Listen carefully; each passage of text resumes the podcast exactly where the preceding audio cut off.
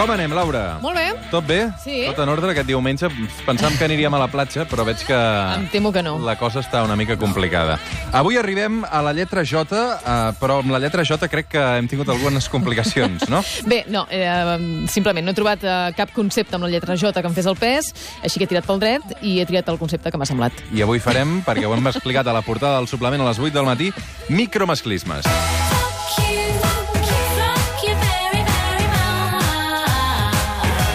Amb aquesta bonica banda sonora de Lily Allen, eh? Doncs sí, els micromasclismes són aquells detalls, aquells gestos, aquelles coses que fem o que ens passen un dia qualsevol i que la majoria de vegades ni ens n'adonem, però que quan et poses les ulleres liles, que suposo que aquestes alçades de l'abecedari lila i de la vida en general tots ja porteu posades, doncs quan te les poses salta una alarma dins teu com si et punxessin amb una xinxeta al cul, però mm. a la consciència. Hi ha alguns corrents del feminisme que rebutgen el terme micromasclisme perquè creuen que s'està minimitzant la presència del masclisme i avisen que qualsevol discriminació per definició no pot ser micro. Hi ha un psicoterapeuta que es diu Luis Bonino que s'ha dedicat a analitzar i catalogar el micromasclisme. Trobareu tot d'articles i llibres i entrevistes on en parla i moltes autores i autors especialitzats en aquest tema del feminisme i del masclisme el citen. Segons Bonino, els micromasclismes són accions imperceptibles, com dèiem, que es donen sempre en la vida quotidiana i que són fruit d'una cultura i d'una manera de fer. És una cosa molt arrelada, gairebé innata, aquells hàbits que hem anat adquirint i que formen part ja dels patrons de les relacions socials que, que establim. Fins i tot està establert una, una tipologia, Bonino, dels micromasclismes, una sèrie de categories. Parla de micromasclismes utilitaris, de, de crisi, d'indirectes, de directes, tampoc el que ens entretinguem gaire. En general, eh, el concepte és aquest, no? Aquells, eh, aquells gestos masclistes que tenim tan incorporats que ni veiem. Doncs va, posem alguns exemples, perquè aquest matí a les 8, quan anunciàvem la, la, la secció, també amb la portada, um, jo explicava aquest fet de que fa poc estava dient amb una companya en un restaurant de Barcelona uh, i a l'hora de pagar um, sempre el cambrer uh, et dona uh, la targeta, Sí. sí. el datàfon per pagar a, a l'home, no? Quan demanes el compte, eh, i és una, una taula amb home-dona, porten el compte... Però hi ha mecanismes per evitar-ho, perquè les targetes de crèdit són nominals. No, és tan fàcil com deixar al mig de la taula sí, sí. El, el, el compte o el datàfon. Aquest seria un exemple de micromasclisme, també que quan demanes uh, una copa de vi blanc, una copa de vi negre, doncs la de vi blanc vagi a la dona, que les cerveses sense alcohol li posin a la dona, que els canviadors de bolquers dels lavabos públics estiguin en els lavabos de, de les dones. Això no t'hi fixes, però és veritat. Però és cert, i això per sort molts Dones homes... ja per fet, no? Molts homes pares ho denuncien. Mm. Si jo vaig a comprar sol amb el meu nadó i l'he de canviar el bolquer, on el canvio? He d'entrar al lavabo de dones, Sí, sí, perquè de homes no hi ha canviador. En l'àmbit públic, adreçar-se als homes pel cognom i a les dones pel nom de pila, Soraya, Susana o Rajoy I això ho fem Iglesias. nosaltres també, els periodistes. Acostumem a fer-ho, sí, però són ho aquelles... deixant de fer. No, però jo, per exemple, amb Soraya ho feia i ho han deixat de fer. Sí, són aquelles coses que t'has de posar una mica a l'alerta, no? Uh, fer portar faldilles a les nenes o a les dones i pantalons als nens o als homes en qualsevol entorn on calgui uniforme. Frases com les més masclistes són les dones. Mm. Uh, no, uh, no deixar pagar el compte mai a la dona, quan, per això no el cambrer. O sigui, tu, si em convides a sopar, i que, i que paguis tu sempre. No. No, pago jo, pago jo, no, pago no, jo. no, per què pagues tu? M'estàs- això dona veu de, de superioritat Clar, econòmica, m'estàs no? protegint, que et penses que no tinc independència econòmica, jo. Mm. Uh, que et convidin a sopar uns amics i, mm, per sistema, uh, facilit, felicitis la, la dona per, pels plats. Oi, quin sopar més exquisit. I potser cuinat ell, no? Estàs donant pel fet que, que és ella qui, qui cuina. Dir guapa a una dona que no coneixes de res, en un intent per ser amable. Uh, felicitar una periodista per com va vestida i no per l'entrevista o l'article o la notícia que ha fet. Ja has trobat, tu? Ah, home, sí. soc dona i soc periodista. Sí, sí. M'han felicitat per la cua, m'han felicitat per la roba, m'han felicitat per tot això, per si ric, per si no ric. Bé, uh, que només preguntin a les dones com s'ho fan per combinar la feina amb els fills. Sí. Bé, és, és que és una llista interminable, si vols. És una llista seguir, que no però- s'acaba mai, no, no, és molt interessant. Uh, I tot això també, uh, llegíem aquesta setmana una entrevista al diari Ara, um, també parlant sobretot de micromasclismes, no? Correcte. És uh, arran d'un llibre que s'ha publicat que es diu Machistades, de Plan B, de la il·lustradora Rocío Vidal. El llibre explica tot això que us acabo de comentar, però millor, amb una mica més de sentit de l'humor. No cal que us digui que això de l'entreteniment no és el meu fort. Què dius, per, la, per la Rocío, el llibre és una manera de, de treure's de sobre la mala bava i també la pena que li fan les situacions de, de, macli, de masclisme amb què una dona es troba a diari. Va començar com una mena de teràpia personal a les seves xarxes socials i ha acabat en format llibre. I em sembla molt interessant la manera que té de classificar els homes. Atenció, A veure, escapa. ja, ja comencem amb les classificacions. No Ah, ah. m'agraden les classificacions, eh? però però, Però endavant. això ho, fa, això ho fa la Rocío Vidal, que és l'autora d'aquest llibre, i em sembla uh, molt interessant. El, classifica els homes de la seva generació, els que ronden la trentena, i diu que hi ha dos tipus només. Els que són deconstructius, és a dir, que reflexionen, que s'autoexaminen, que estan disposats a canviar tot allò que no els agrada en ells, o bé els que són sabatots. Ella no ho diu així, però jo sí. Uh, són aquells homes que no tenen cap intenció de renunciar a cap dels privilegis que tenen pel fet de ser home, zero autocrítica i que tot es quedi com està. Doncs aquesta és la de classificació que fa la Rocío Vidal. De quin grup Eh, ets, tu?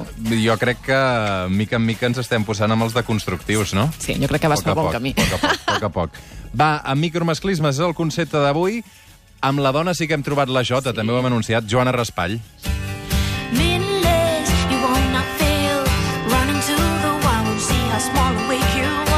M'encanta la banda sonora d'aquest espai que fa la Laura Rossell cada, dissabte, cada diumenge al suplement. Aquesta és la Navi Suite, la vam portar fa uns mesos amb la Núria Graham i és un espectacle, eh? És un espectacle. És brutal, sí, sí. Uh, una llista de, de Spotify que, per cert, em dona una feinada. Ho sé, ho sé, no, no, és que... La d'hores que no, no, és, no, és que aquest espai porta això. molta feina, perquè és una documentació molt llarga, busquem convidats, busquem bandes Sí. sonores, vull dir que no... Bueno, no. però ens ho passem molt bé, Ens també. ho passem molt bé. Joana Raspall i Joanola, Barcelona, 1913. Va néixer el mateix any que la dona de la setmana passada, si us recordeu, la Maripepa Colomer, dues trajectòries ben diferents, però totes dues amb prou potència per deixar petjada. La Joana Raspall va néixer a Barcelona, de ben petita la família es va mudar a Sant Feliu de Llobregat i ja hi va viure tota la vida. La seva mare era francesa i quan la Joana té uns anys l'envien a estudiar a Perpinyà perquè aprengui el francès. Però només hi està un any perquè el pare mor i aleshores ella decideix tornar a Sant Feliu i ja no marxarà més de Catalunya. Ella comença a estudiar comptabilitat i en paral·lel va escrivint i publicant alguns textos a revistes petites com El Eco del Llobregat o Claró.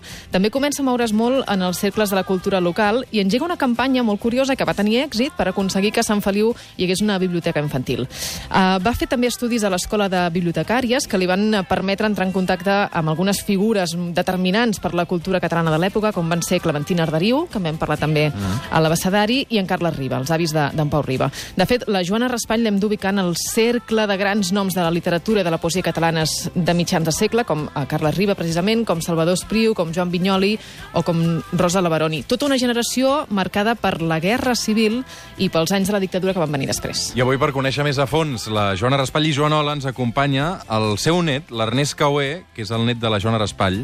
Ernest, què tal? Què tal, Roger, Laura, com esteu? Hola, bon Molt dia. bé, i tu? Que a més a més és periodista, és guionista. Contentíssim de ser a la ràdio, que és una cosa que trobava molt a faltar, i contentíssim de ser aquí per parlar de la Joana, per descomptat. Com era l'àvia? L'àvia, eh, que ens va deixar el 2013, l'any del seu centenari, eh, a més a més molt oportunament, ella va decidir plegar quatre dies després de l'acte de clausura del centenari, és una, olla, un, una persona oportuna, diguéssim. Eh, era una dona discreta, molt discreta. Um, Diguem-ne que ho deia la Laura, no? Uh, van saber que va acabar de formar-se l'any 38 a l'Escola de Bibliotecàries, que va ser un dels seus eh, grans emplaçaments de, de formació. I, és clar el 39 um, acaba la guerra uh, i comença els anys foscos del, del franquisme i va patir allò que han patit molts autors de la seva generació, que és aquest exili interior, no? Uh, d'estar doncs, reclòs a casa, amb la cultura catalana molt, molt malmesa i amb poques plataformes públiques per expressar-la, i a més a més això es combinava amb un tarannà personal molt discret, Uh, molt, tenia molt de rubor d'exposar-se públicament, no? I, i, i, I fins als 69 anys no va publicar el primer llibre. Fins als 69. La primera lliçó de Joan Raspall és que mai és tard per fer res, aquesta vida. Queda clar. Uh, Ernest, uh, de l'època de, de la Guerra Civil i... Bé, crec que just quan començava uh, la dictadura, hi ha alguna anècdota uh, divertida de la Joana, com, per exemple, va ajudar a salvar molts llibres de- d'algunes biblioteques. La, la seva batalleta preferida, diguem-ne, és la... quan va salvar els llibres de la Biblioteca de Vilafranca, on ella va començar a treballar després de formar-se. Eh, això acabava la guerra, era l'any 39, entraven les tropes franquistes a, a la vila, i ella, juntament amb la bibliotecària de la Biblioteca de Vilafranca, van dir tot aquest fons de, de llibres que tenim aquí els hem de salvar, perquè els anaven, en fi, ja sabeu, els anaven destruint, els anaven cremant tots els llibres en català. I ella eh, va decidir aturar un dels, seu, un dels eh, camions republicans en retirada i va dir, pareu aquí, que us carregarem aquesta, aquest camió, traieu les armes i tot el que tingueu aquí dins i el carregarem de llibres. I se'n va, se'n va endur tot el fons de llibres de, de Vilafranca cap a la, cap a la Biblioteca de Catalunya, cap a Barcelona, mentre eh, pel camí els anaven bom bombardejant a cantó i cantó de, de carretera i finalment van, van, van poder entregar la matinada següent aquests llibres a en Jordi Rubió, no? l'encarregat de la Biblioteca de Catalunya, salvant doncs, peces eh, molt, molt, molt especials d'aquest fons documental. Què passa durant el franquisme amb, amb la Joana i la seva passió per, per escriure? Deixa de fer-ho? Um, ella sem sempre ha escrit, diguem-ne. Sempre ho ha fet des del seu escriptori, en privat, sense explicar-ho gairebé uh, a ningú. I va anar fent, sobretot, classes de català, evidentment, primer um, en de forma clandestina, uh, amb l'ajuda d'Òmnium Cultural, etc. I sabeu aquesta tasca que van fer des d'Òmnium de, de mantenir el català viu, no? des, de, des de gairebé els, les habitacions de les cases, diguem-ne, no? des dels escriptoris de les cases de, de, de llocs com Casa de Joan Raspall. No? I ella um, no només uh, va anar fent classes de català, sinó que va anar fent una feina de lexicogràfica molt meticulosa, que és anar recollint, per exemple, una caixa de sabates, tota una sèrie de fitxes amb tot de paraules, locucions i frases fetes que s'havien de conservar. No?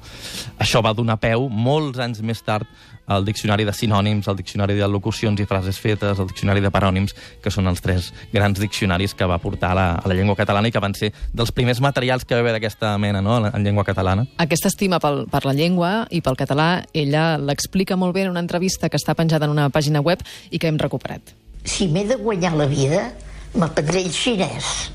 Tot el que convingui per ganar-me la vida necessari no em fa nosa cap idioma. Però per fer-lo meu, meu, que surt de mi, meu, ha de ser en català. Ella va aconseguir també fer-se un nom en els cercles de l'anomenat teatre independent a finals dels 60 gràcies a una obra que es diu El Pou.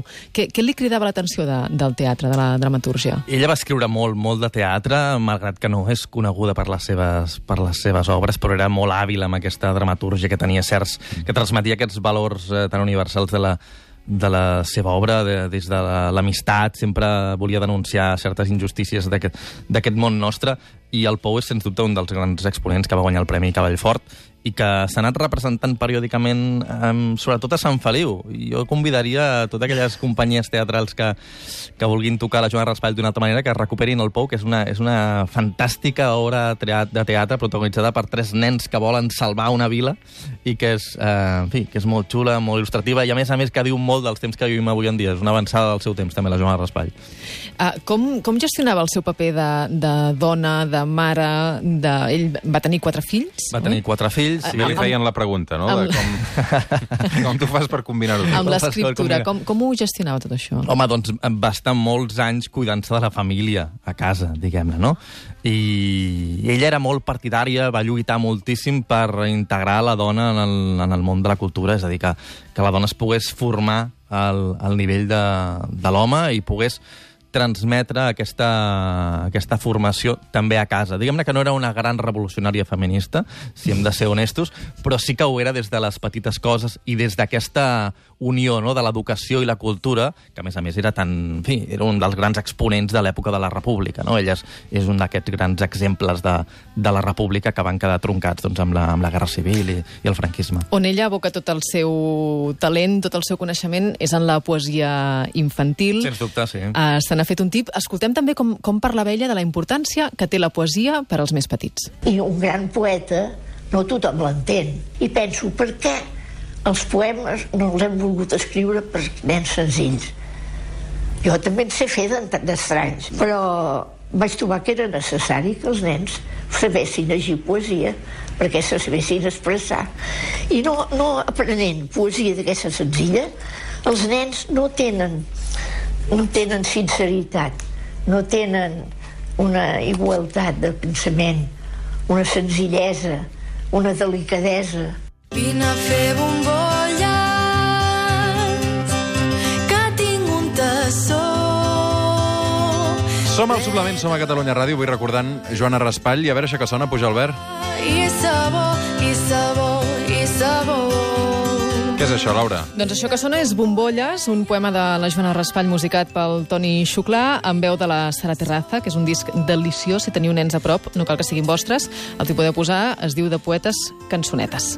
Um, Per què la, la poesia infantil? Ella, ella sempre deia, era una És un gènere que costa, eh, segur, eh? Vull dir que... Sí, i tant, i tant, segur. I posar-se a la- a l'altura dels nens no? i nenes per escriure al seu nivell, jo crec que és el més, és el més complicat. Ella sempre deia que volia fer l'esquelet als nens al món de la poesia perquè després de grans poguessin llegir allò grans autors. No?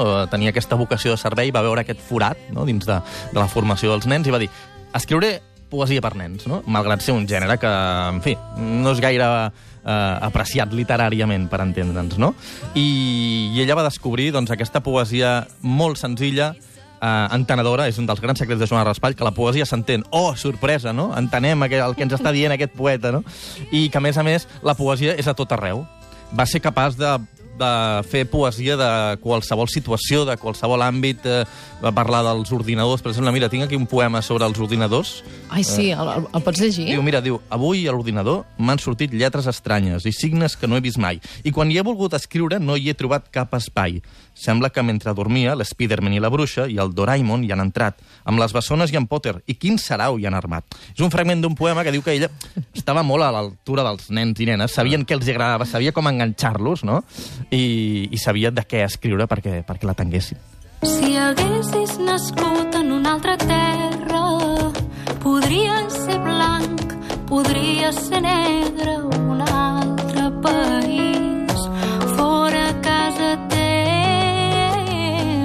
Aquesta és una cançó preciosa de la Jaumet, que jo no sabia que era un poema de, de Sí. la Joana Raspall. Sí, perquè ens fem una idea de, de, dels, la força que tenen els versos de, de la Joana, que es pot transformar des de parlar de- d'ordinadors o de formigues, no? el bestiolari de la Joana Raspall també parla de, de tots els animals, o pot parlar, en aquest cas, com aquest poema Podries, eh, que per mi és un dels més bonics i més potents que té, dels que he llegit de la Joana, parla de com de diferent podria ser la nostra vida pel fet d'haver nascut a un país o en un altre, parla de la guerra, de la gana, de la pobresa, i parla dels refugiats, i ho fa adreçant-se als més petits, però el missatge ens arriba a tots, també als adults. I és un poema viral. Jo diria que és un dels primers poemes virals del, de l'era de Twitter, perquè jo crec que la poesia és, uh, és el gènere del segle XXI. La Joana Raspall ho demostra. El seu compte de Twitter, uh, jo, jo, jo des del 2013... Explica això del compte de Twitter, perquè és molt interessant. El 2013 eh, és l'any Joan Raspall, ella fa 100 anys, i jo li dic, àvia, ens hem d'actualitzar. La teva poesia està molt bé, té una plataforma en paper estupenda, però Està ens, molt bé, però d'arribar a la gent. ens hem d'obrir a, a més finestres, Què et no? respon ella quan li dius em diu, això? nen... Diré que no trobava l'espai no del entenc, teclat. No entenc res d'això que m'estàs dient del Twitter aquest, tu fes el que vulguis.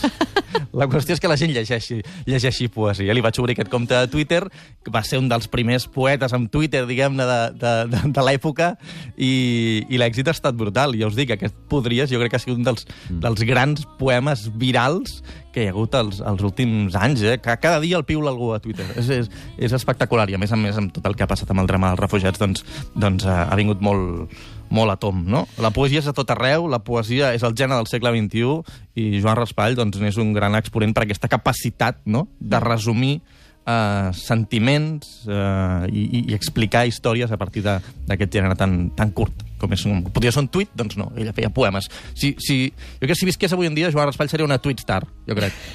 seria una influencer, sí, perquè era una mestra en dir moltes coses amb molt pocs caràcters, no?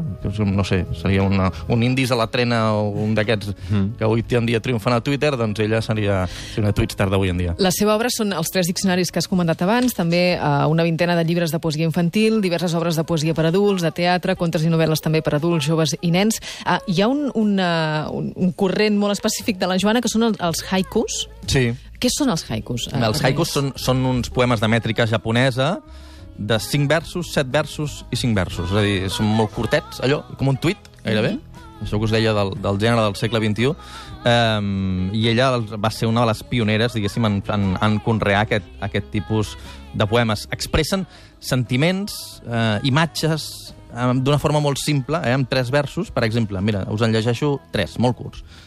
Diu, ens privaríem del goig d'olorar roses per no punxar-nos? És un preludi allò que vivim ara o ja és l'obra? Qui sap on para aquella fulla morta que el riu s'enduia? Doncs tot això és un tastet de, del que Joana Raspall, um, que va molt més enllà també de uh, d'aquest compte de Twitter, que també lo- Digues, digues. M'estan seguint en massa ara mateix, Ara eh? Joan Raspall, eh? Brutal, eh? Doncs això és una gran notícia, vol dir que ens guanyant està escoltant seguidors, molta eh? gent. Sí, Ah, exacte. ah, abans Digues, de marxar, no, Sí. recomanar l'aplicació també. Home, sí, evidentment, perquè després, a partir del centenari, 2013, vam crear, vaig crear una aplicació que es diu Un món de poesia per tauletes i mòbils, Mm. Que es pot jugar amb els poemes de Joan Raspall. És una aplicació molt tocada a les escoles per això, per jugar amb la poesia i anar llegint i aprenent amb l'obra de Joan Raspall, que és, en català, Un món de poesia, busqueu a les botigues d'aplicacions, i A Wall of Poetry, que és la primera traducció que s'ha fet mai de Joan Raspall a l'anglès eh, en aquesta aplicació. Bravo. Ernest, moltes gràcies, però no marxis, eh? Escolta va, això que ens porta la Laura. If I'm going to change things, I'm going to need allies. Allies with power. A veure, això què és? Perquè aquesta tensió... Mira, això és una cosa que jo aquesta nit gairebé no dormo, perquè és The Handmaid's Tale, la, aquesta sèrie de, inspirada en el, en el llibre de la Margaret Atwood del 85, del Cuento de la criada. HBO n'acaba d'estrenar la tercera temporada, però no passa res, podeu fer com jo, que vaig començar ahir, amb la primera. Quants capítols vas veure Uh, consecutius? ahir en vaig veure 5. He anat a dormir molt tard. Què dura I he dormit molt capítol? malament. Què dura cada capítol? 50, 50 Sí, 5 pocs hores minuts. seguides. Sí. Tu, tu ets d'aquestes maratons, eh? De tot seguit. Eh, Bé, sí, mira, sí. sí, eh, um, això, me la va, eh, em va donar la idea la Marta Ferrer sí. i vaig pensar, doncs mira, té raó.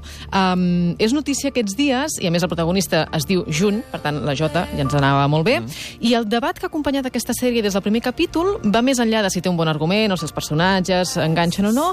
Moltes reaccions que genera tenen a veure amb el plantejament ideològic de la sèrie, de si és o no una sèrie feminista.